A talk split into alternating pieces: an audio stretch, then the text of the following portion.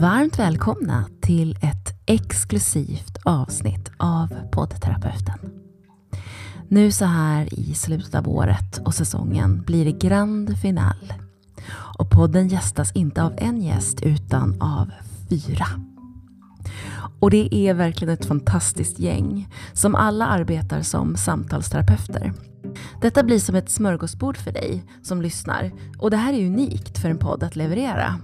Du får avsnittet som tack för att du lyssnar och delar. En otrolig kunskapsbank från alla oss och vi pratar om mötet med klienten, att använda sig själv som verktyg. Och vi delar med oss av våra bästa tips. I infoboxen tillhörande avsnittet finns en skriftlig presentation av alla deltagare och länkar till de olika saker som vi pratar om och hur ni kommer i kontakt med oss. Och med detta önskar jag dig god lyssning. Mycket nöje!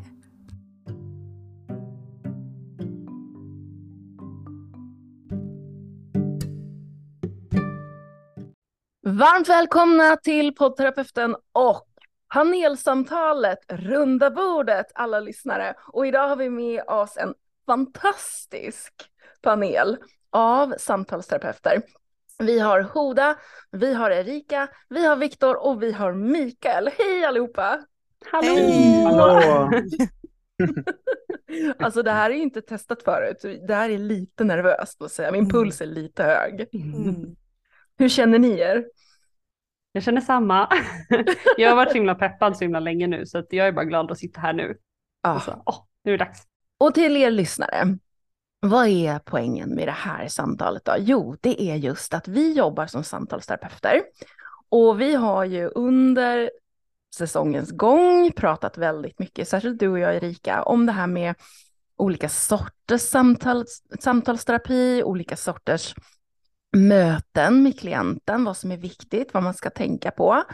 Och jag har faktiskt också pratat med var och en av er också om det. Jag vet att du och jag Hoda, vi, i vårt avsnitt mm. så pratade vi också om det där med mötet yeah. och vad som var viktigt och mm. sådär. Och det, tanken då med det här eh, panelsamtalet det är ju då att vi ska presentera liksom som ett smörgåsbord till er lyssnare. Um, olika sätt att tänka gällande samtalsterapi och vi kommer dela med oss av våra bästa tips och tricks. Jag heter ju då Malin och ni har ju hängt med mig ett tag. Jag startade ju podden 2019 och jag arbetar som samtalsterapeut och handledare och är pedagog i basen. Min inriktning är gestalt eh, och transaktionsanalys och eh, lite KBT där på hörnet också. Och jag har jobbat med samtal sedan 2001 har jag gjort. Och sen så känner ni igen Erika tror jag. Erika, hej hej. Vem är hej. du och vad gör du? ja, jag heter ju Erika och eh, senaste året så har du och jag Malin spelat in lördagsfika med Malin och Erika som har släppts varannan vecka. Mm. Om jag ska berätta lite om mig. Ja, jag är socionom och samtalsterapeut i grunden. Och jag har inriktningen mot ACT framför allt. Um, och sen så i kontakt med det så har jag liksom kunskap fortfarande om KBT, men ACT är min basic liksom. Ja. Uh, utöver det har jag läst en somatisk terapeutisk utbildning som jobbar med vad kallar de det, psykomotorisk kroppsterapi. Uh, och det har jag mm. läst nu under senaste året. Jag jobbar i dagsläget primärt som kurator just nu på en ungdomsmottagning ja. och möter ungdomar med eh, alla möjliga bekymmer. Mm. Och sen så har jag då mitt företag som samtalsterapeut på sidan av där jag har egna klienter och träffar vuxna Just som det. söker. Ja. Men mm. jag jobbar väldigt mycket med mindfulness, väldigt mycket med här och nu och ACT då. då. Um, varande. Det är väl där jag nischar mig lite mer. Mm. Ja, ah, vad mm. härligt. Tack. Ja. Hoda, berätta Hej förresten allihopa. Hej! Eh, ja, men, um, intressant att höra. Jag har inte hört uh, Erika förut. Um, så det ska bli spännande att lyssna på alla. Uh, jag heter Hoda och uh, jag är beteendevetare i botten med psykologi som inriktning. Och sen har jag läst steg 1, men integrerad steg 1-utbildning, en KBT och AFT, alltså affektfokuserad. Um, Ja, och Malin hade ju den här diskussionen också om olika metoder och vad är vad Ja. och vad är bäst och sådär. Eh, Jag har ju själv känt mig väldigt hjälpt av mindfulness. Så att eh, jag valde ju att utbilda mig till MBSR-lärare, alltså i det här programmet, åtta veckors programmet och jobba mycket med self-compassion kan man Mm, säga. Eh, Jag har märkt också att många av dem som kommer till mig kommer till mig just för att jag har en annan etnisk bakgrund än svenska. Ja. Så jag har en hel del herrar som pratar dari eller persiska som jag faktiskt träffar. Så att jag eh, eh, tycker att det är så spännande att jag har kunnat bidra med en grupp eh, människor som inte i vanliga fall skulle söka sig.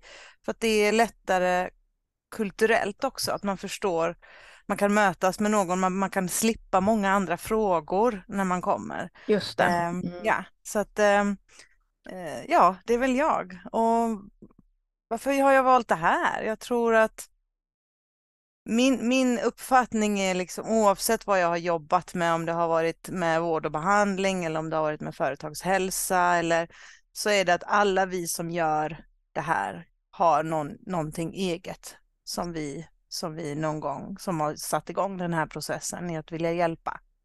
Eh, så att eh, Ja, det var väl lite kort om mig, eller ganska långt om mig. Ja. Tack så jättemycket. Åh, vad spännande. Och Viktor, hej! Hallå, hej! Eh, ja, absolut. Jag eh, är ju legitimerad arbetsterapeut då i botten eh, och har jobbat eh, flera år på eh, olika BUP-mottagningar och Maria Ungdom och så och eh, alltid varit intresserad av psykiatrin då Mm. och eh, pluggade steg ett sen till att börja med då och, eh, och pluggar eh, IPT nu också, interpersonell psykoterapi. Ehm, och ehm, ja, bedriver psykoterapi då eh, under handledning och eh, planen är så småningom att jag ska söka eh, steg två snart då när jag har haft eh, två år med, eh, med, i handledning då, eh, det psykodynamiska ehm, programmet och ja, jag är utbildad då steg ett i ehm, KBT med schematerapiinriktning. ja, just det. Så um, ja, och nu så jobbar jag som konsult och eh, som arbetsterapeut främst åt smart psykiatri då, så att jag kombinerar liksom det med, med att ha samtal och så, vilket är väldigt bra för mig att ha den mixen, att kunna göra lite olika saker. Ja. Spännande. Mm, Mm. verkligen. Så ja, ehm, ja, det var väl lite kort om mig. Ah, Mm. härligt, härligt. Och så har vi Mikael. Precis. Berätta. Ehm, Jag är ju en lärare i botten, ehm, legitimerad lärare. Mm. Ehm, Och jobbade med det i 19 år. Ehm, Och varför bytte jag bana? Ja, det blev bara så på något sätt. Mm. Mm. Jag har alltid eh, tyckt om mötet med människan och eh, det blev en ganska naturlig övergång. Jag kände att jag var, det var dags att göra någonting annat. Inte för att man blir klar som lärare på något vis. Verkligen inte. Utan det var, det var liksom hit jag kom. Och sen behövde jag göra något nytt. Och det har jag upptäckt med tiden att det är lite sånt som jag är. Att det, det blir vad det blir. Och det har jag landat i väldigt mycket. Mm. Både med samtalet och med, med livet överlag. Liksom. Mm. Att jag har ingen prestige att nu ska jag göra det här resten av mitt liv. Vi får se vad som händer. Och det, det lättar väldigt mycket stress från axlarna när man tänker så. Eller för mig har det blivit så i alla fall. Ja. Ehm, Jag jobbar idag som eh, samtalsterapeut på eh, Närhälsan i Kinna på en vårdcentral. Eh, Tillsammans med en kollega som är i extern handledning då kontinuerligt. Ehm, och målet är att också söka steg två här då så småningom legitimerad psykoterapeututbildning. Ja. Jag gick steg ett 2017 till 2019 i Stockholm. Ehm, ja, typ så. Mm. Typ så. Ja. Va? Alltså vilken, alltså vilken skatt alltså. Ja. Vad mycket kunskap vi har här. Mm. alla vi fem. Ska vi gå liksom en liten runda kring lite tydligare för lyssnarna också varför vi jobbar med samtalsterapi? Ska vi göra det, tycker ni? Mm. Dela med oss lite av det. Absolut. Ja, det låter Ja. bra. Mm. Mm. Är det, och då tycker jag nu så här, nu, nu är liksom lite ordet fritt, så är det någon av er som känner sig manad att liksom, "Ah, jag vill berätta varför jag eh, jobbar med människor, varför jobbar jag med samtalsterapi? Är det någon som känner så här, ja, jag vill berätta. Ja, men det är lätt att, att låta som en Lucia-kandidat när man säger man tycker om att jobba med människor. Så här. Ja, Men, just det. men, eh, Rädda världen. det gör jag verkligen. Jag tycker om att jobba med, med människor. Jag Mm. tycker om mötet. Tycker om, det är intressant med människors historier och att kunna få vara en, en trygg punkt för, för någon annan som kanske har det tufft. Jag tycker att det är Mm. fantastiskt eh, att få vara den personen i någons liv och få vara det på, på arbetstid. Så att säga. Det är häftigt tycker jag. Där kan jag bara ta ikapp. Jag tycker också det är så fantastiskt att få vara, jag kommer ju från skolans värld, jag tänker lite som dig också. Eh, jag tycker det är så häftigt att få vara en liten, liten del av någons resa. Eh, att liksom få vara någon som man kan utforska tillsammans med. Mm. Eh, Att vara där och både få höra alla de här historierna som vi ändå får möta, men också att, eh, att få vara den som ställer de där frågorna man inte tänker på. Mm. Eh, de som faktiskt, jag vet inte, ger mening. Och det Ja. tycker jag är jätte, jag tycker varje gång jag sitter i ett samtal så blir jag så himla påfylld efteråt, oavsett egentligen vad vi pratar om. Ja. Eh, det är klart att det är dränerande också, men, Mm. ja, men det ger verkligen någonting att känna så här, wow, gud, den här personen satte ord på någonting jättehäftigt hände i dem. Eller Mm. att det var något så här, det, de här små liksom sparksen som kommer, nu jobbar jag ju med ungdomar och det, allting går ju fort och högt och lågt och allting Mm. däremellan. Ja. Ehm, Mm.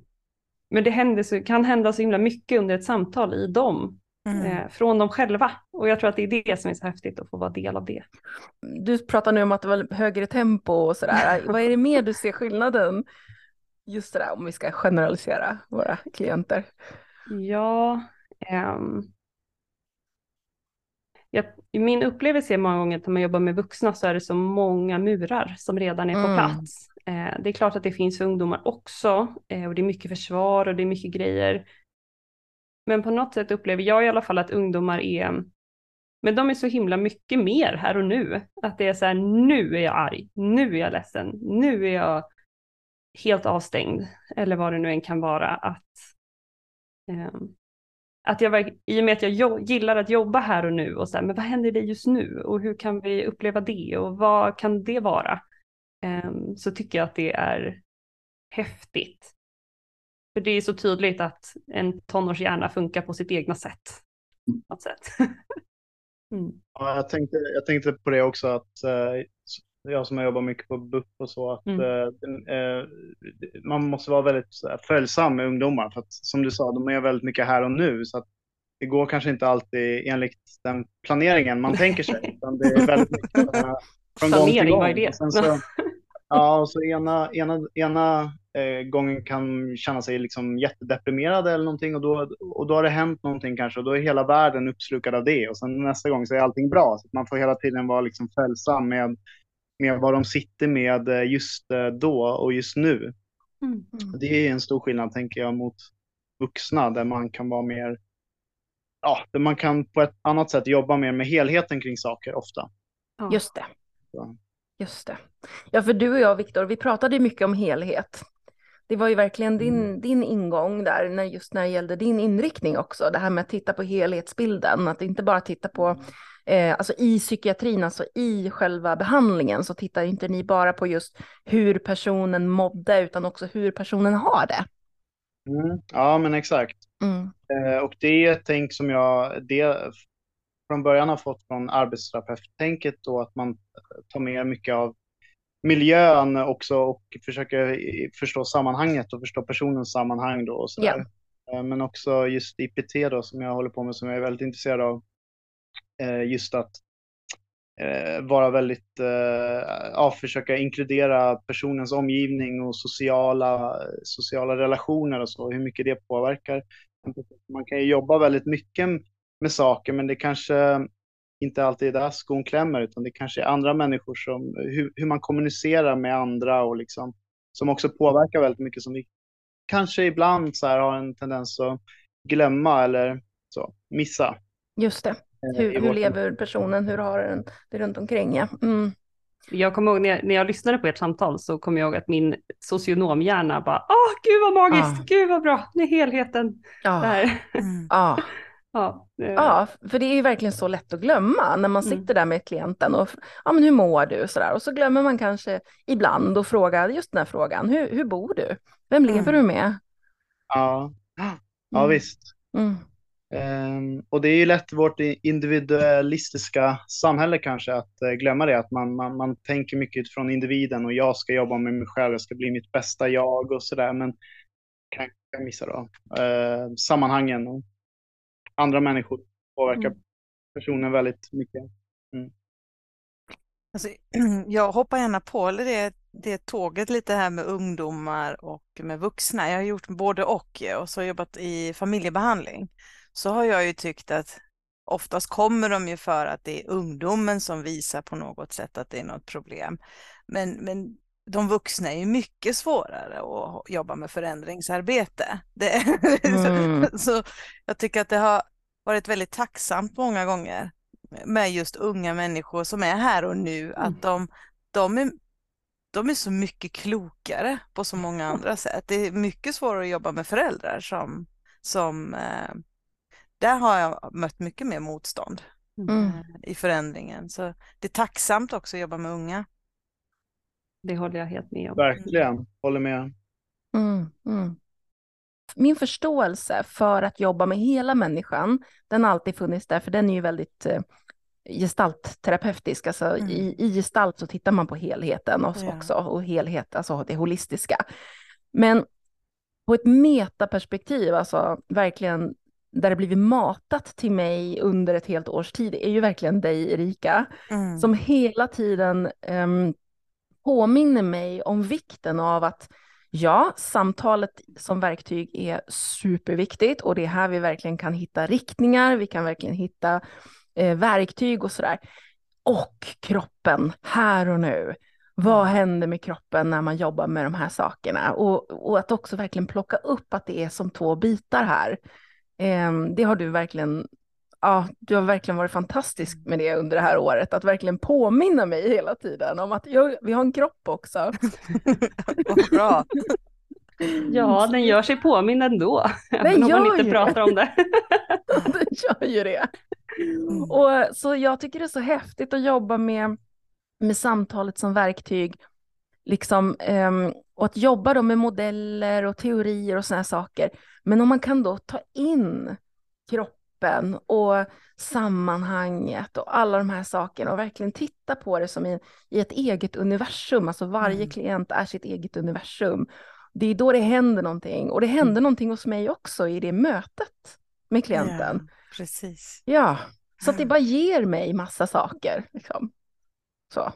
Och kunskap och känsla och glädje och, och någon sån känsla av mening och sammanhang. Så Snyggt. ungefär. Mm. Och då kommer vi in på det här med mötet med klienten. Mm. Och eh, som sagt, du och jag Hoda, vi pratade om det i vårt senaste avsnitt och du och jag Erika, vi pratade om det också i vårt senaste avsnitt.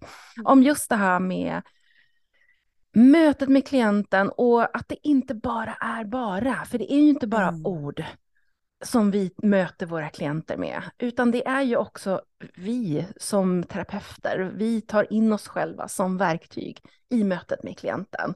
Ja. Så ska vi börja med dig Hoda eh, och berätta lite hur du, vi kan väl påminna lyssnarna eh, och också säga till de lyssnarna som inte lyssnade på vårt avsnitt vad det var Mm. vi kom fram till och vad var det du tyckte om det där med mötet med klienten? Jo, men för det jag och du pratade om, om jag minns det hela rätt, eh, så, så handlar det inte så mycket om vilka verktyg vi har med oss in i ett rum, utan det handlar mycket mer om kemin och hur vi connectar med varandra inne i rummet, vilket, vad vi skapar tillsammans. Sen vilken metod man har som terapeut, det, det är ganska betydelselöst tror jag i sammanhanget. Eh, och Jag vet att för mig själv så har det varit många gånger liksom bara ett ord eller en mening från en person som inte ens har varit terapeut många gånger som har varit väldigt hjälpsamt. Eh, så det handlar så mycket mer om att fånga upp det där som, det där som finns i rummet. Eh, sen sen eh, tror jag också att det handlar om att vi ska gilla varandra. Alltså vi ska inte Mm. underskatta det här med att vi behöver tycka om varandra. Och hur gör vi det? Jo, men vi börjar med att tona in oss redan innan mötet. Att vad är det för människa jag ska möta idag? Eh, hur kan jag väcka upp min medkänsla för den här personen? Ehm, och, bör, och ta det därifrån. Och möta personen tror jag framför allt där den är där och då. Mm. Och att vi som terapeuter också jobbar på oss själva inför varje möte, att det slarvar vi ofta med att det kommer in nästa och så kommer in nästa, att, att avsätta den här tiden att låta det förra sjunka in och, och gå åt sidan och vara, göra sig redo för att ta emot. Eh, för det känns, det märks när någon är där och lyssnar på riktigt.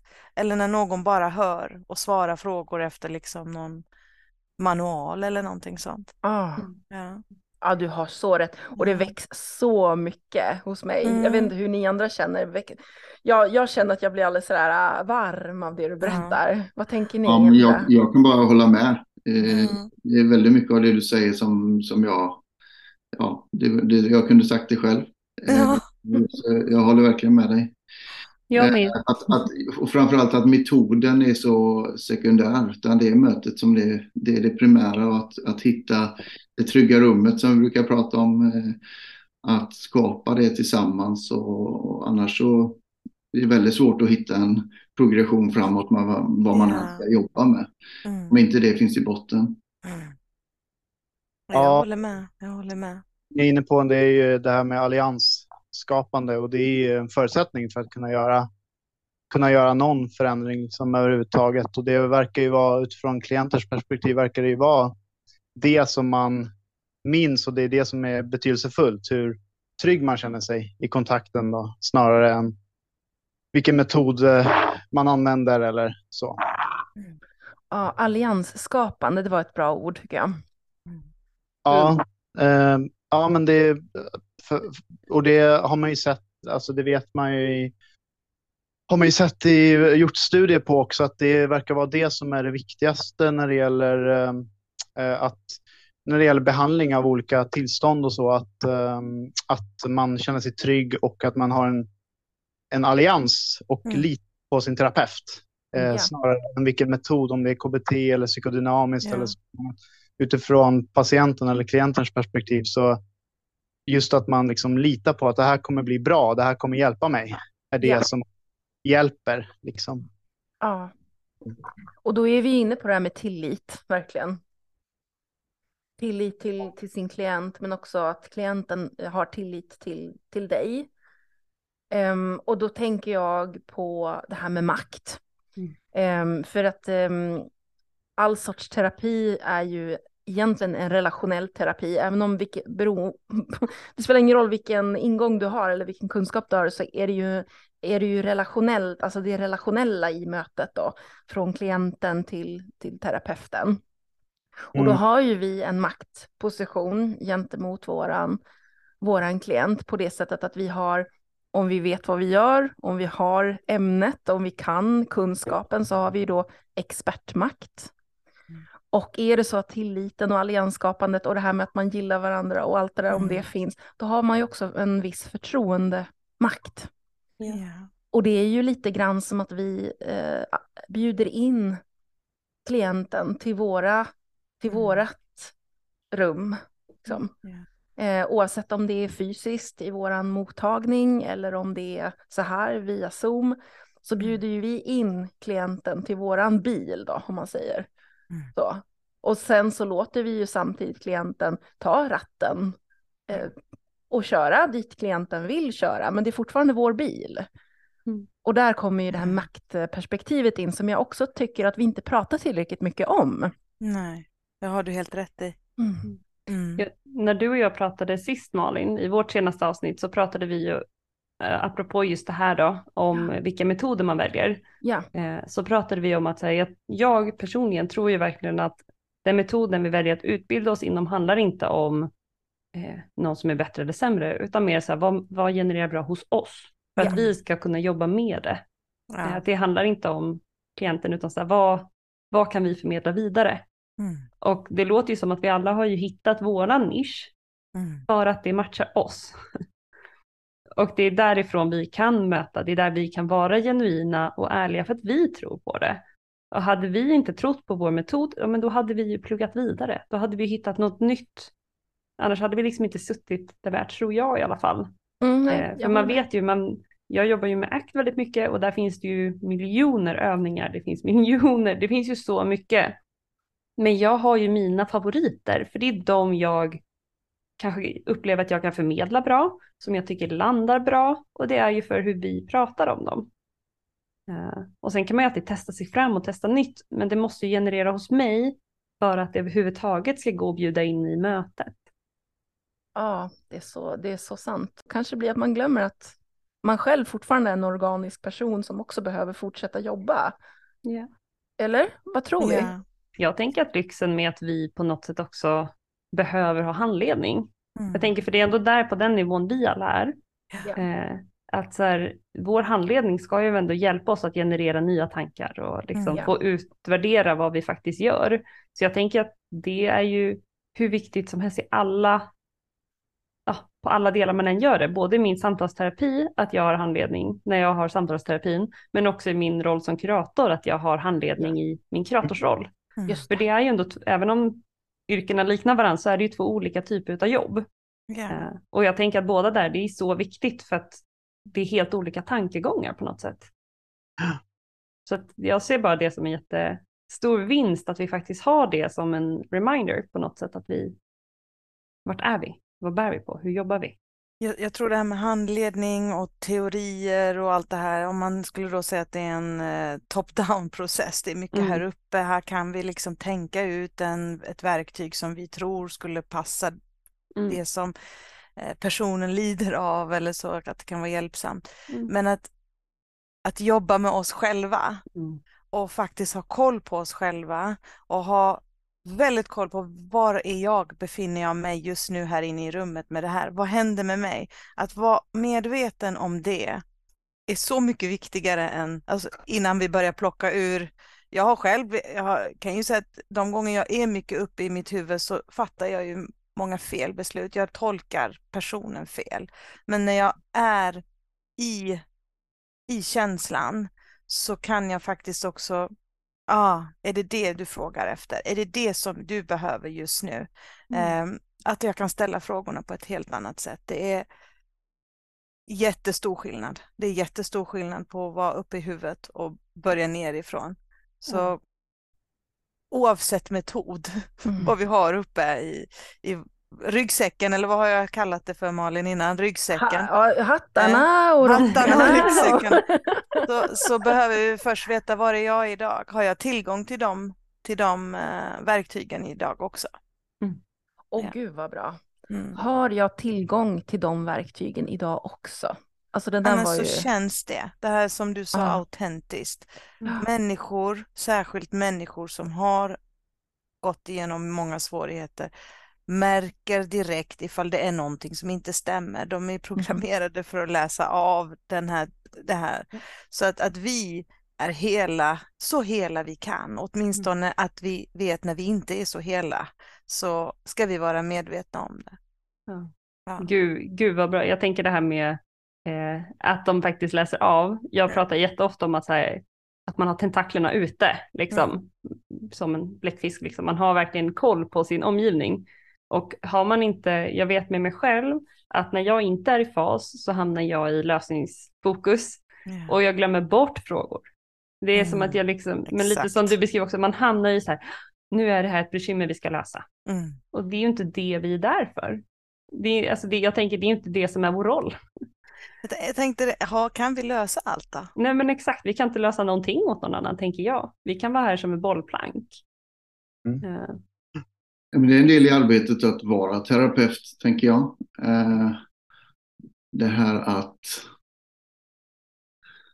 vi har bra dagar och vi har sämre dagar. Och Mm. jag, kan, jag brukar ofta jämföra det med att gå in i en meditation.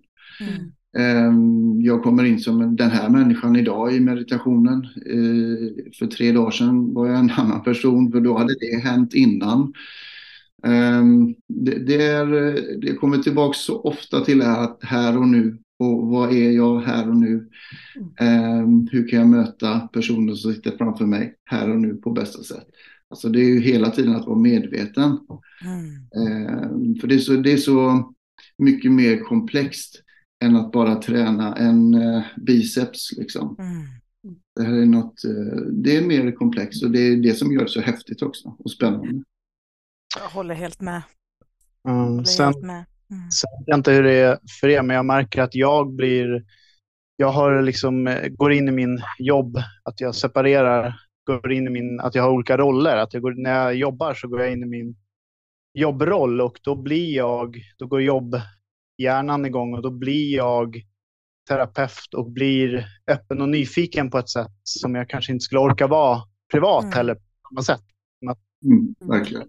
Jag är musiker också så att jag märker, ja, det är lite samma, spelar trummor, så lite samma som när man har en spelning till exempel, att då går man in i en roll och man kan känna kanske adrenalin och man går in i det eh, som man inte skulle göra när man går av scenen och det blir lite samma sak för mig i, eh, i terapirummet, att jag Mm. går in i den och då den personen är närvarande, nyfiken och har ett speciellt känsloläge. Men sen så när jag går ut från rummet så då kan jag vara min privata jag och ta hand om det. Liksom. Så, Ja. för, för mig har det funkat så i alla fall. Mm. Och du sa det så bra där, Viktor. Du sa någonting med att vara öppen och nyfiken. Ehm, Det är precis så. Uh, Erika, vi har ju pratat mycket om skålen. Ja. Och nu kommer vi in på det här med vårt bästa verktyg. Jag tänker att jag ska hoppa in på den direkt. Och det är mitt bästa verktyg när jag jobbar som samtalsterapeut. Det är att jag visualiserar mig i rummet. Och jag använder också en hatt eller en, eh, eller en kappa. Jag tyckte det var så himla bra. För då när man går in i rummet så kanske man kommer då från, jag ska berätta för er och för lyssnarna, så hade jag eh, översvämning i mitt kök igår kväll. Mm. Eh, det trycktes upp eh, avloppsvatten i Mm. mitt handfat. Oj. Hög stressnivå. Mm. och det har fortsatt att bubbla och låta konstigt hela natten.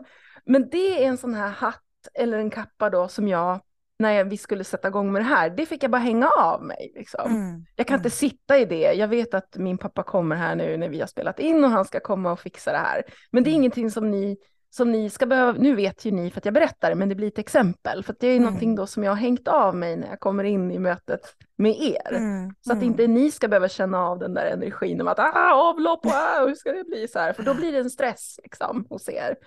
Så det är det som jag brukar göra, att jag hänger av min kappa eh, också.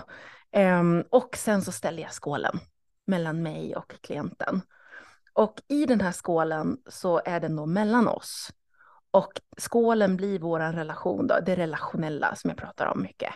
Och i den skålen så lägger jag då fram mig själv som verktyg. Eh, men också alla mina verktyg, alla mina kunskaper, mitt smörgåsbord. Det här finns. Det här kan vi liksom, det här kan jag vara öppen för, det här kan jag lyssna på. Och klienten lägger i skålen samtidigt sitt ämne, det den vill prata om, det den vill ehm, eh, utforska, det, det den sitter med här och nu. Och så fylls den där skålen under liksom samtalsterapins gång. Och sen brukar jag säga liksom till klienten i slutet också så här, nu om vi vill titta på skålen också faktiskt tillsammans, vad är det, vad är det i skålen som du skulle vilja ta med dig hem? Så. Är det någonting eller ska vi slänga allt liksom? Det är också okej. Eller finns det någonting i skålen som du vill smaka på vidare? Vi kan ta med oss det till nästa gång kanske. Eh, eller är det någonting som du bara vill ta nu och det är ditt liksom. Du får det. Um, och så, så, så tänker jag. Så jag, jag visualiserar den här, och det kallas för den buddhistiska skålen, det är gestaltterapeutisk eh, eh, metod. Och då blir det just det här liksom, check yourself här och nu, jag lägger in mitt, eh, men inte mig.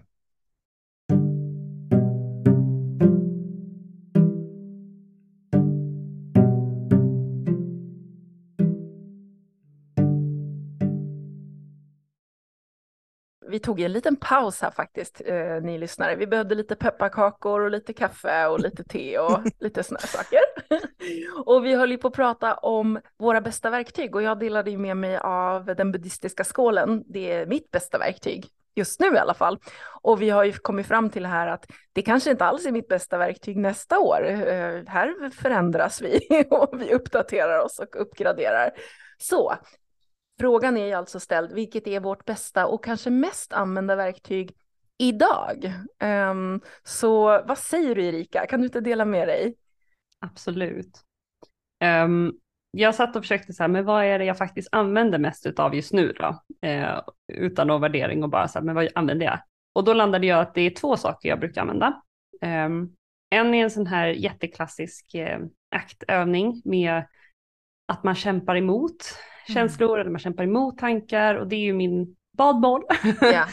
Mm. um, och det är ju, när, man, eller när jag pratar om den så kommer ju oftast det upp när ungdomen eller personer jag möter har nämnt att de liksom, ja men man märker att de kämpar jättemycket med, ja men exempelvis en sån här jobbig känsla eller de kämpar emot att känna skuld eller skam eller vad det nu än kan vara. Um, så brukar jag vara så här, men har du någon gång så här, och så frågar jag om jag får lov att berätta en metafor och så tackar de oftast ja. Eh, alltså, har du någon gång testat att trycka ner en badboll under vattnet? Att så här, det är ju väldigt roligt, alltså det är ju lätt, du kan ju trycka ner den, men du behöver lägga väldigt mycket fokus på det du gör och hålla i den så att den inte tippar upp åt sidorna, du kan nästan typ sätta dig på den, men så länge du har fokus på det så går det. Till slut kanske man blir rätt trött i armarna och sådär, men det går.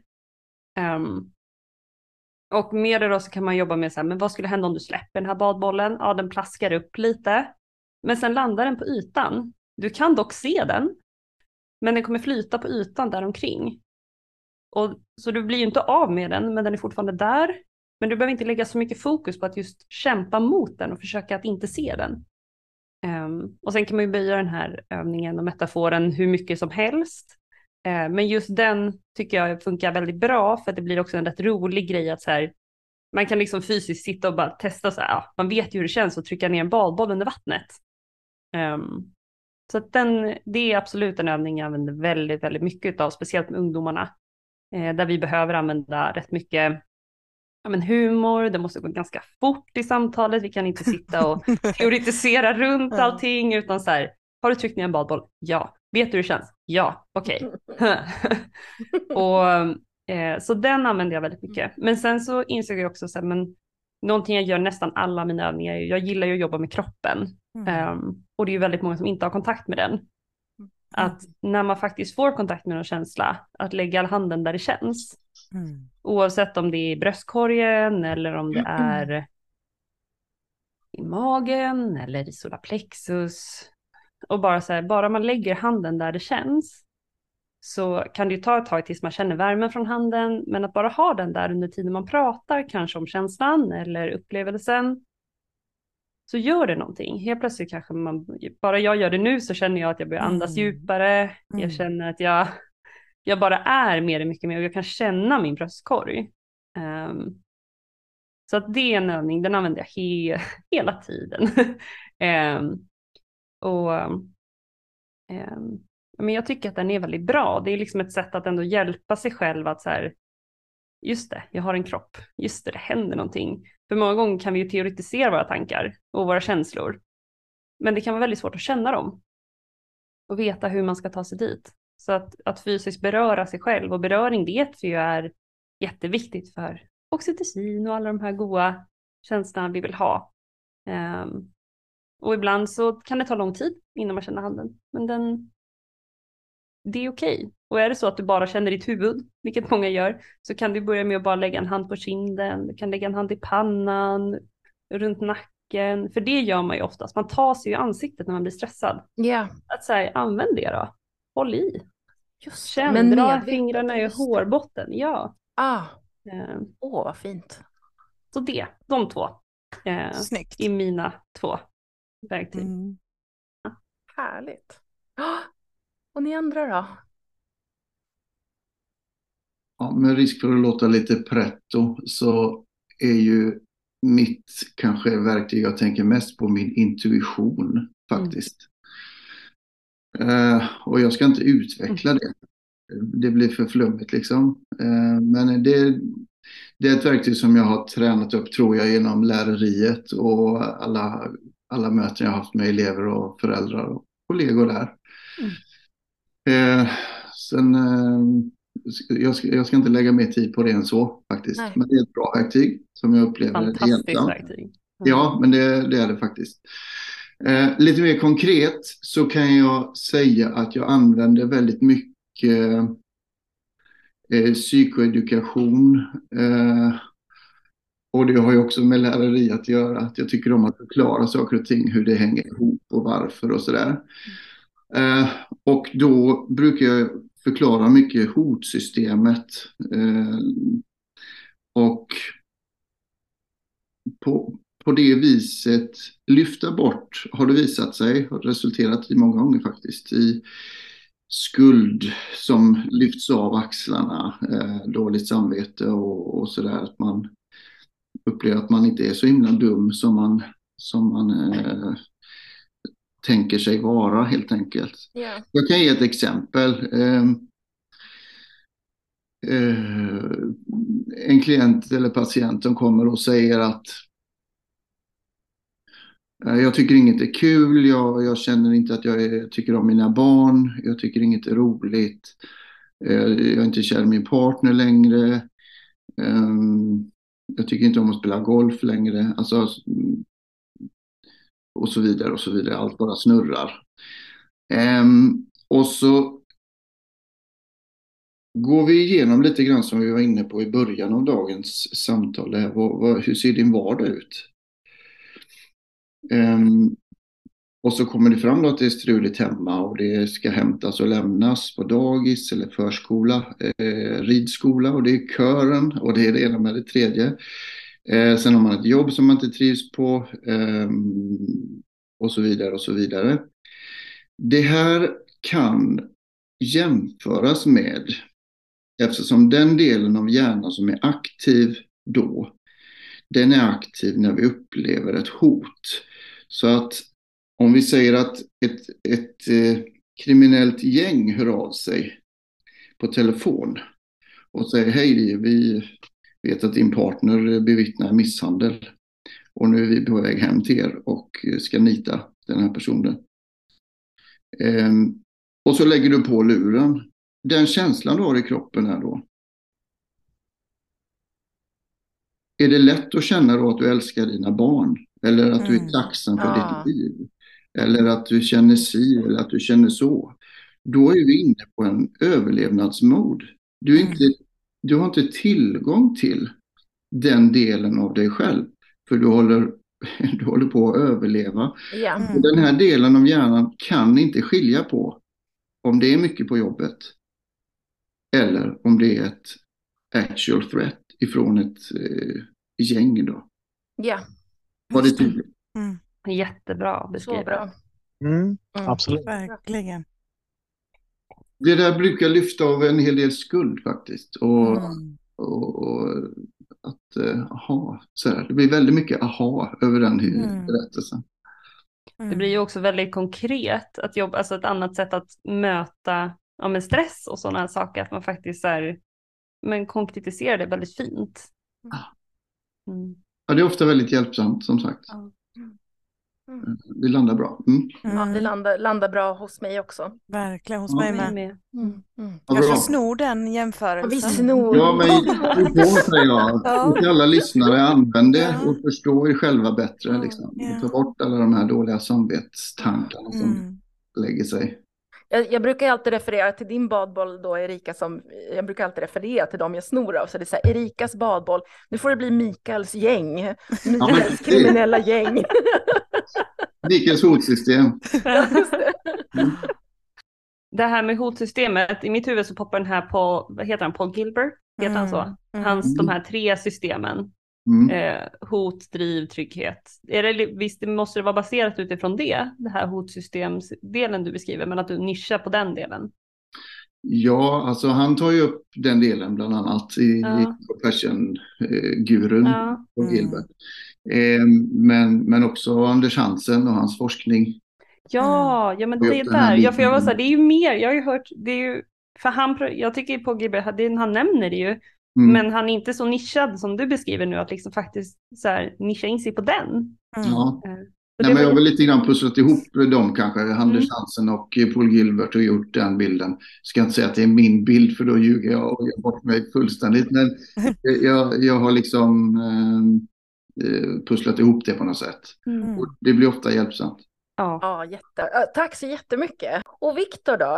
Ja, jag genomsyras ju väldigt mycket nu av liksom IPT och så i alla, oavsett eh, vad jag, vad jag gör och så. Men en eh, ja, verktyg eller teknik då som är jätteanvändbart oavsett, tänker jag, vad man håller på med. Det är eh, det som man inom IPT kallar för mood event. Att man, eh, man fokuserar väldigt mycket på kommunikationen då och att måendet eh, och hur man känner sig beror på hur man har det med människorna i ens liv och sådär. Att man dyker ner i olika situationer och eh, min lärare kallar det också för zigzag-metoden, att man pendlar mellan mående och eh, händelse. Att man går till liksom en specifik händelse och frågar eh, hur, vad, vad man har kommunicerat om och hur det kändes och eh, sig fram på det sättet för att ta reda på vad det är som gör att man att det inte blev bra till exempel och eh, eh, hur man då skulle kunna göra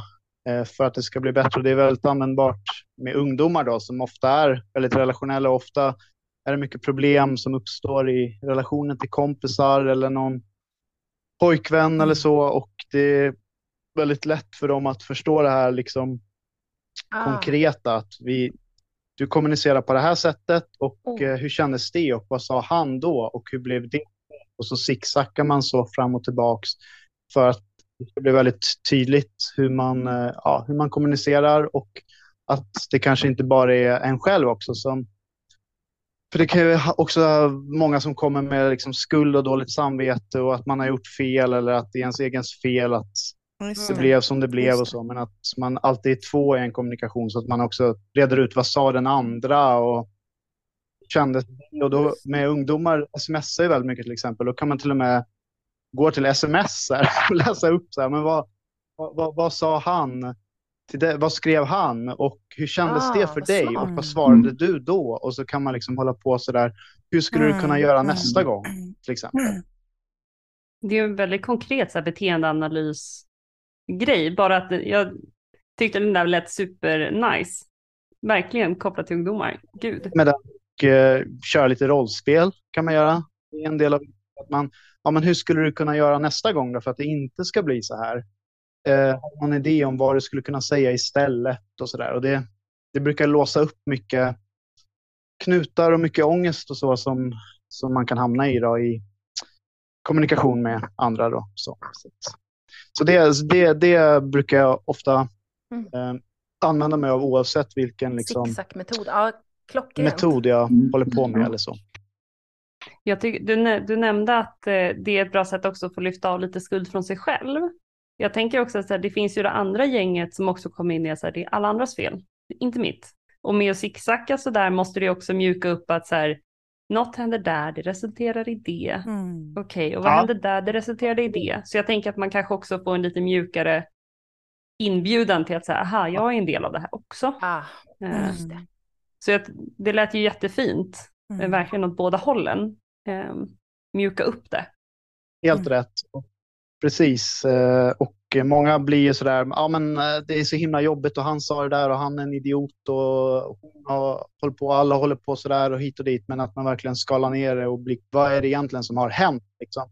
Och hur känns det? Ofta är det ju känslor, försvar och sånt som ligger bakom att man bara tycker då eh, att det har blivit fel eller att andra är idioter då till exempel eller, eller så, beroende på vad det handlar om. Liksom. Mm. Ja. Mm. Så den är väldigt eh, användbar. Delade. Ja. Mm. Hoda. Alltså, Jag, jag tänkte säga att jag gör nog lite, det här zigzackandet var ju nytt för mig. Eh, men jag, jag hör också mentalisering i det som Viktor berättade, att, eh, att arbeta med mentalisering och det gör jag i de fall där, eh, där jag märker att det, en person som har väldigt, väldigt mycket ilska hela tiden mot allt och alla. Eh, som Erika var inne på, det här med att alla, det är alla andras fel och det är inte mitt fel och sådär. Och då jobbar jag mycket med den typen av frågeställning. Eh, men jag, jag är ju inte lärare i botten, men eh, jag har ju läst pedagogik om det har med saken att göra, men jag skriver ju mycket på tavla. Mm. Mm. Vi ritar och skriver tillsammans och gör värderingsövningar eller det här med allting är fel på mig eller alla andra gör rätt och jag, varför blir det inte bättre för mitt mående? Eh, alltså då, då jobbar vi mycket med tavlan faktiskt. Den tror jag att jag har använt nästan varje gång jag har haft eh, samtalsterapi. Eh, sen eh, jag fastnar lite för det som Mikael sa, det här med, med min intuition. Det är också en sak som jag jobbar med som ett verktyg, att var, var är jag någonstans idag? Hur, hur mycket tillgång har jag till mig själv idag? För vi är ju verktygen. Alltså mm. vi är ju de som eh, ska fungera som den där trygga hamnen, trygga basen. Så hur trygg är basen idag? Hur trygg är hamnen idag? Så jag tror att det är mitt allra starkaste verktyg. Det är mig själv. Och sen ut i världen med hemuppgifter, kom tillbaka så pratar vi om det igen. Kan vi acceptera eller ska vi gå mot en förändring? Alltså att hela tiden att det är den som jag möter bestämmer vad vi ska jobba med. Mm. Det låter väldigt flummigt, men mycket mindfulness. Eh, eh, många som har, eh, alltså som är på väg åt eh, utbrändshållet, de får ju inte hemuppgifter utan de får mer kroppsscanning, lyssna på ljudfiler, göra yoga eller någonting som passar deras, inget som ska vara presterande. Eh, för jag tror att det kan nästan bli det blir ännu värre.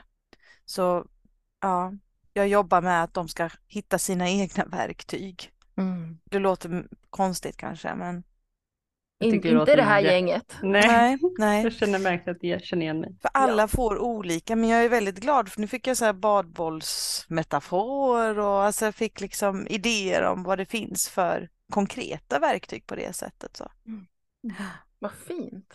Mm. Ja, och vissa verktyg använder vi ju i samtalet och vi inte delar med oss till klienten, utan vi använder dem ju för vår skull, för att vi ska ja. kunna vara öppna och här och mm. nu och den här trygga basen och, och så. Mm. Och vissa verktyg kan vi då presentera till klienten, att det mm. här finns. Um, man kan ju fråga klienten först, är du, skulle du vara okej okay med att jag berättar om den här badbollen ja, eller ja. skulle det vara okej okay med att jag, att jag pratar om den här saken och så vidare och så kan man då och så helt okej okay om klienten bara säger nej, det är inte min grej liksom. Mm. Det, där, det där resonerar inte hos mig, nej det är fine. Sådär. Ja.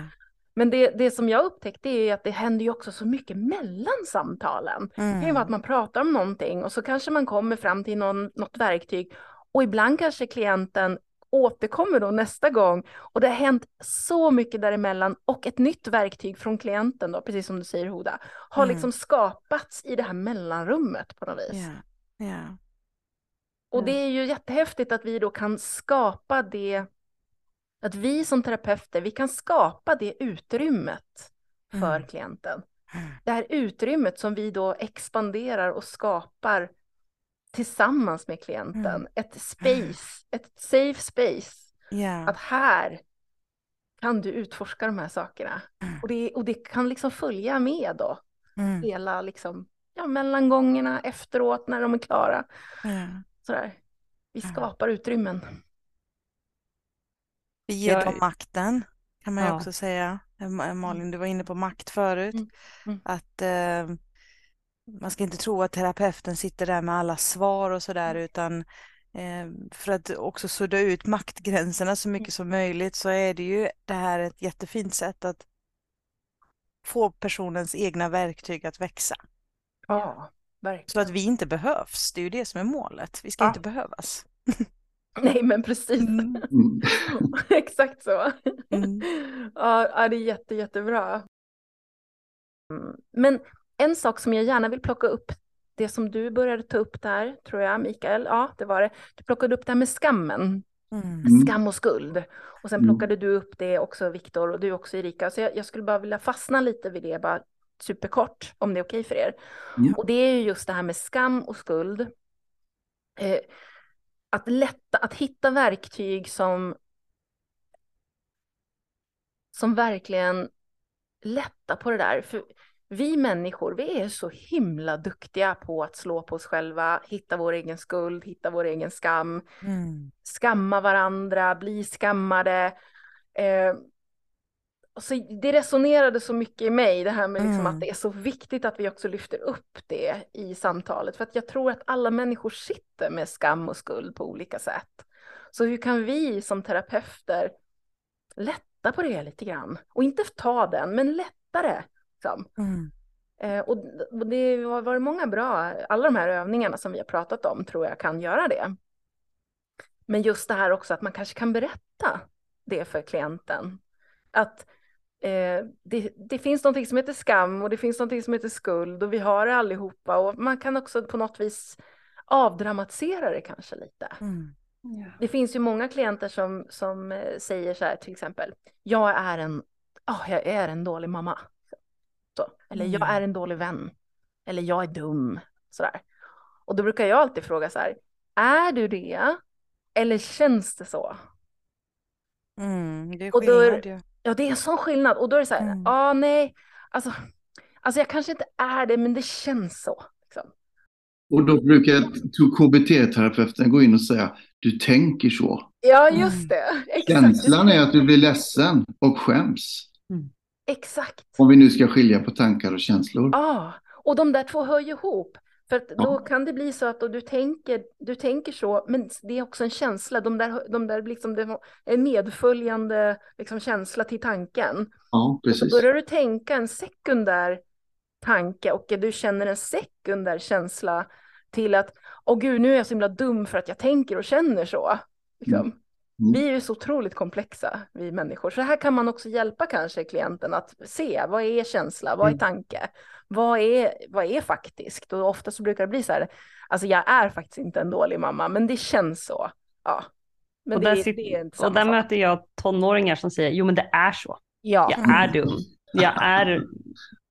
Alltså all, allt de kan komma på. Ah. Och där behöver man ju liksom, där får, där upplever jag, jag får, det är svårt att få napp för att det är, jag jobbar ju också med väldigt många ungdomar med exempelvis NPF-diagnoser och där det här, många gånger när vi lyfter det lite liksom till teoretiskt så är det svårt att greppa det. Mm. Att så här, nej men de svarade inte på mitt meddelande, de svarade inte på min snap, de gillar inte mig. Och att det är jättesvårt att förstå. Och det tänker jag också så här, men bara det, kanske kopplat både till att man är tonåring och man är väldigt, ja, fokus på sig själv. Mm. Att det är så här, men det betyder att de inte gillar mig. Och det är så. Och jag är dum. Och jag fattar ju det, liksom. Eh, och där, är, där tänker jag att det också är så himla viktigt att så här, okej, och då är vi med den känslan, hur är det? Mm. Mm. Att så här, vi kanske inte kan ta bort det, vi kanske inte ens kan komma till att nej men jag är inte en. Nej. Utan att så här, okej, och hur känns det att vara i det då? Och hur kan du ta hand om det? För den känslan kanske inte kommer förändras. Mm. Eh, och de här tankarna kanske vi inte riktigt kommer åt ännu. Eh, och ja, nu lägger jag handen på min bröstkorg igen. Mm. Men den här att så här, ja, och ibland behöver vi också bara få vara i att det känns pissigt. Exakt. Och många gånger upplever jag att ungdomarna, när de väl kommer till mig så är det oftast kanske mamma eller pappa som, eller någon sån där som har skickat dit dem, bokat tiden, så kommer Mm. de dit och de är inte där av den här fria viljan, även om det är frivilligt att komma, Mm. Så är de inte där av den viljan att säga jag är här för en förändring. Ja. Jag, vill, kanske, jag kanske inte har något mål i det här mer än att jag mår inget bra, jag vet inte vad jag ska göra. Mm. Eh, och då tror jag många gånger så här, då saktar vi ner tempot, då är vi här. Mm. Eh, Så det- Igen här- då det här av, att, att avdramatisera. ja. Man behöver ju inte normalisera det, men man kan Nej. avdramatisera det. Man kan Mm. säga, ja, det, och det är också okej. liksom. ja. Ja. Ja, men där, där tänker jag också att det är väldigt viktigt att eh, hjälp, alltså undersöka och försöka begripa vad, vad, varför man känner skam och skuld och kanske att det inte att det inte är så farliga känslor heller att ha, men det, är det blir jobbigt är om man skulle fastna i det, men att det kanske är fullt förståeligt och rimligt och helt adekvat att man känner skuld och skam. Tack. Det är känslor har. Eh, så att vi inte behöver tänka liksom att det är någonting vi ska få bort heller, utan försöka tänka att det är känslor som inte behöver vara så farliga helt enkelt. Och ehm, ehm utgå, ifrån, utgå ifrån det. Eh, för det, det är när det blir den här kampen liksom, mellan olika känslor vad är okej att känna och man vill få bort den här jobbiga känslan av skuld och skam kanske som, som finns där av en anledning och som kanske är helt adekvat utifrån det sammanhanget. Liksom. Um, utgå ifrån det och det blir oftast uh, en bra utgångspunkt då, för att jobba med sån känslor. Jag tänker också att både det här med psykoedukation också i det att eh, vi, det är en medfödd eh, känsla som vi har. En av våra grundkänslor det, och den är till för att vi ska vilja försonas. Eh, sen eh, det här jag tänker självmedkänsla, för det är det som ofta fortsätter med att man, eh, Eh, även om alla andra har gått vidare från ett misstag man har begått, så lever man själv kvar i det misstaget. Jag vet inte, jag har känt skam många gånger i mitt liv eh, och skam som mamma, skam som dotter, skam, skam i alla mina roller och hattar som jag, som jag bär på i mitt yrkesroll också. Ehm, och hur, jobb, hur viktigt det är att okej, okay, så det är så det känns för mig nu och hur kan jag öva på det? Kan jag göra som Erika säger, kan jag hålla där jag känner skammen? Alltså vad är skammen? Vad, att kunna eh, sätta ord på vad den betyder och var den sitter i kroppen, bara det kan vara ett steg. Eh, och, och hur sannolik är det som jag tänker att jag har gjort som är så skamsen? Alltså, mm. hur, hur högt, eh, hur viktigt är det här? Ja. Mm. Och man brukar ju skilja på hälsosam skam och skuld yeah. och ohälsosam. Och du var inne på det också Mikael, visst var det du tror jag som sa, nej det var nu du Viktor, det här med också att om det blir mönster, om man fastnar i det, om man då kan vara medvetandegöra, man kan sätta liksom som en spotlight på det där och att, att bara man börjar med steget att det är. Liksom. Mm.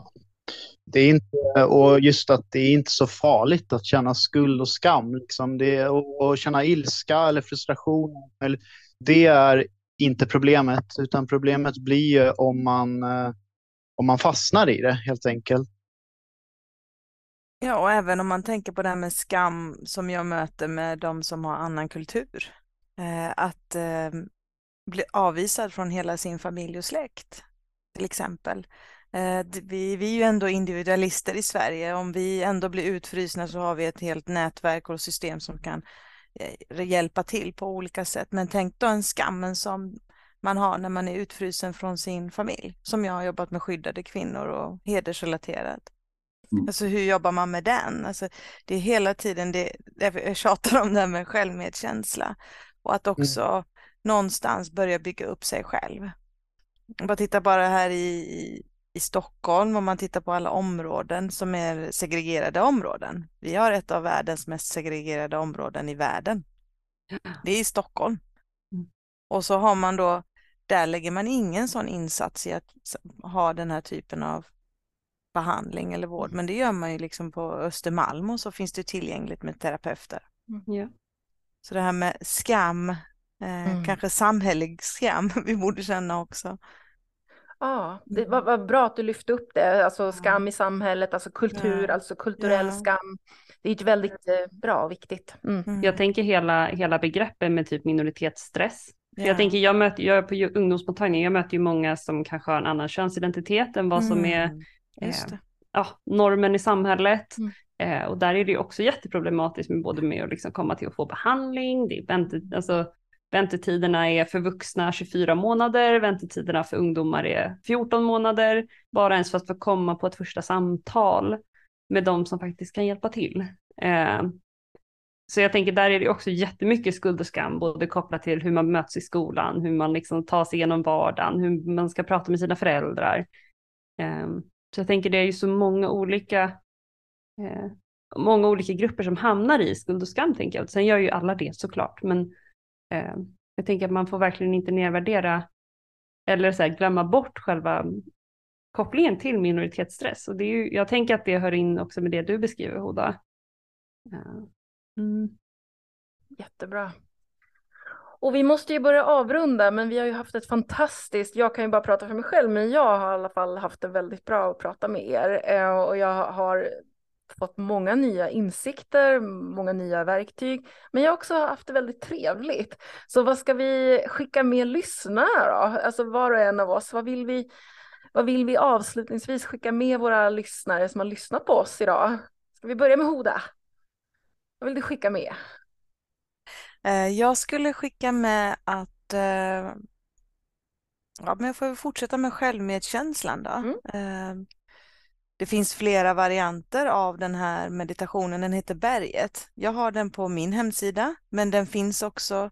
Man, får, man kan lyssna på olika språk. Man kan googla på det på, eller på Youtube. Eh, där man arbetar med sig själv som ett berg. Eh, och det är, det är inte så lång meditation, den är ungefär på tio minuter. Och förslagsvis eh, så att man sitter upp för man somnar lätt när man, när man ligger ner eller man får inte den här den, den känslan som, som eh, meditationen syftar till. Kan vi länka den, den, också i uh, Det kan vi göra, den, mm. den, finns på min Instagram också tror ja. jag. men som sagt, man behöver inte lyssna på mig. Man kan faktiskt lyssna på, det finns en som heter Camilla Sköld, det finns eh, CFMS, det finns på levnu.net. Eh, och det finns också massa olika varianter på engelska. Så jag ah. skulle skicka med en självmedkänsla meditation. Jättefint. Och jag skulle vilja skicka med till er att eh,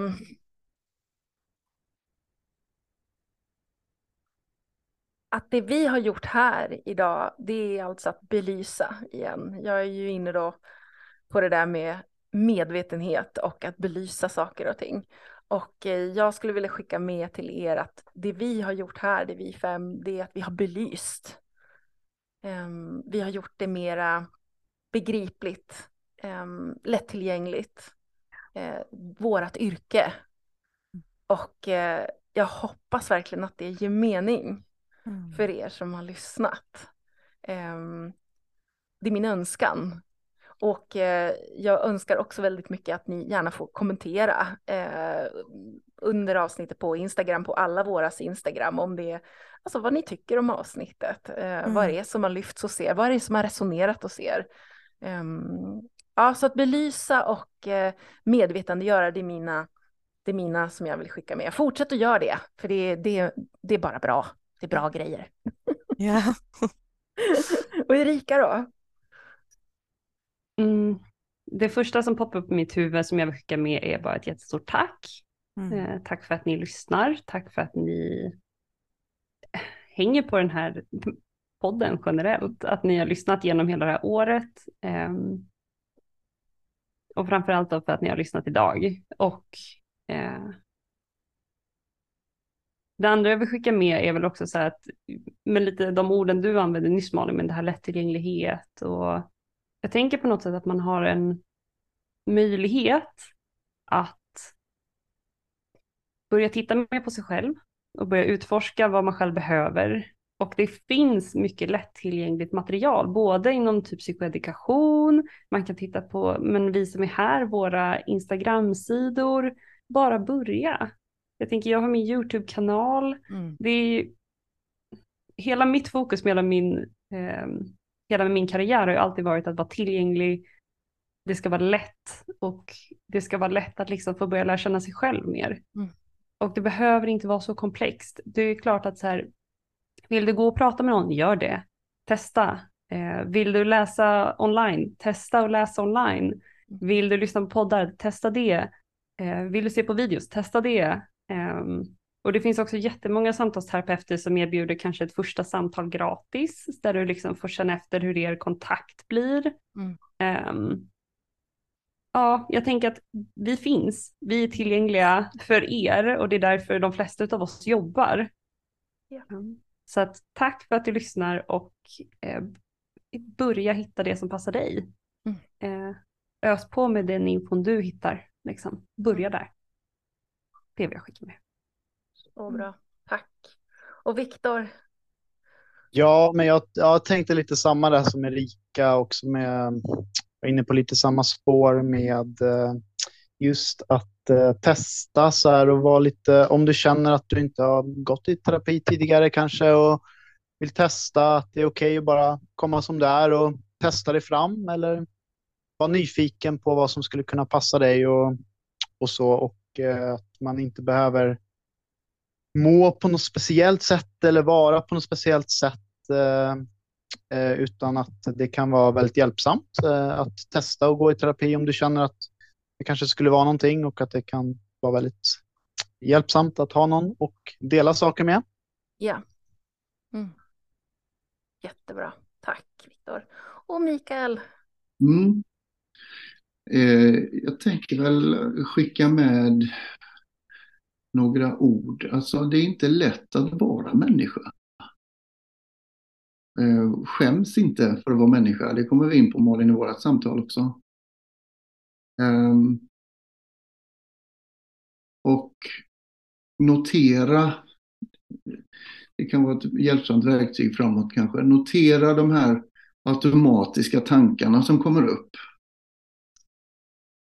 Eh, när du är i vissa situationer. Du kommer in i ett rum och så vänder sig ingen mot dig och så kommer första tanken, jaha, här var man ju inte välkommen. Eh, till exempel. Eh, var det sant? Eller var det inte sant? Det jag tänkte precis.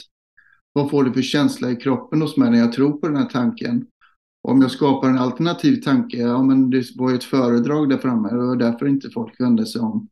Så det hade inte med mig att göra. Vad får det för känsla i kroppen hos mig då? Vilken tanke är mest sann? Vilken ska jag tro på? Vad är bäst för mig att tro på och gå efter? Eh, det är en väldigt bra liksom, ja, medveten övning egentligen att ha med sig mm. hela tiden. Att, vad tror jag på egentligen? Och det som Björn Attiko så fint beskrev, tro inte på allt du tänker utan var medveten och pröva tankarna lite grann. Ställa mm. mot väggen. Var den här sann eller var den inte sann? Mm. Jättebra. Så fint. Snyggt. Mycket snyggt. och eh, nu mina kära lyssnare så vill vi med de här orden tacka för oss. Eh, och eh, ta hand om er där ute och tack för att ni har lyssnat. Och tack finaste, bästa panelister för vårt första runda bordet-samtal. Askul!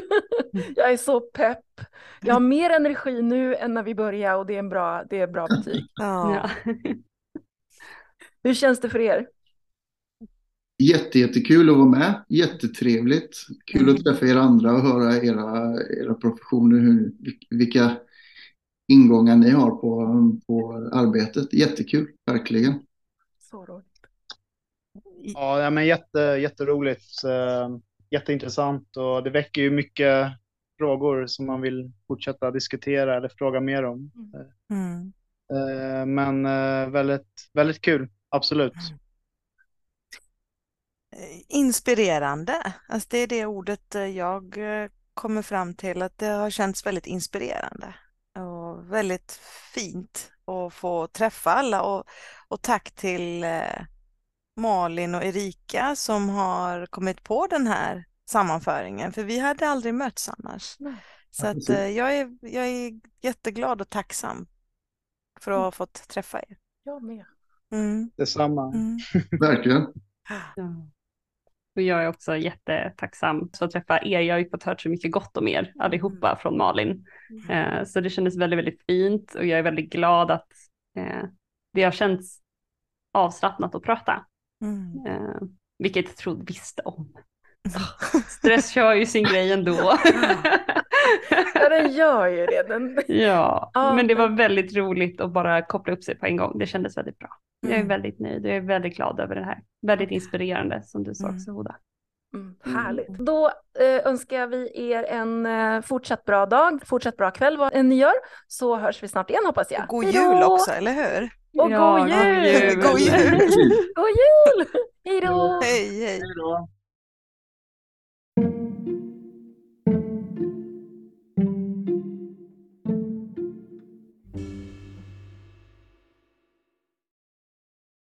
Först några ord om skuld och skam som vi pratar om i panelen. Några avslutande ord. Att sund skam och sund skuld, den hälsosamma, den behöver vi människor för att ja, hålla gränser, eh, precis som Hoda säger, förstå varandra och sådär. Men den skuld och skam som oftast tynger oss, det är den som är ohälsosam och som, precis som Viktor säger, har blivit då låst, ett, ett fast mönster. Och skuld och skam är ju också känslor och med tillhörande tankar såklart. Och känslor är inte farliga i sig, men vi vet att just skuld och skam är bland de jobbigaste känslor som människor kan känna. Och att det är oftast skuld och skam som ligger till botten för svår psykisk ohälsa. Så ta verkligen det på allvar. Så med det vill jag bara lägga in den brasklappen. Att det här är visserligen bara känslor och tankar, men det är också väldigt allvarliga känslor och tankar om de verkligen etsar sig fast. Och eh, som sagt, det kan verkligen vara en bidragande orsak, faktiskt kanske grundorsaken till svår psykisk ohälsa. Och därför så var jag väldigt mån om att lyfta upp det i avsnittet också. Att bara belysa detta är en bra början. Och jag kan också verkligen rekommendera boken Skamfilad av Göran Larsson. Han var med i ett avsnitt av Medberoendepodden och berättar om just skam och skuld. Både boken och just det avsnittet kommer jag också länka i infoboxen här nedan.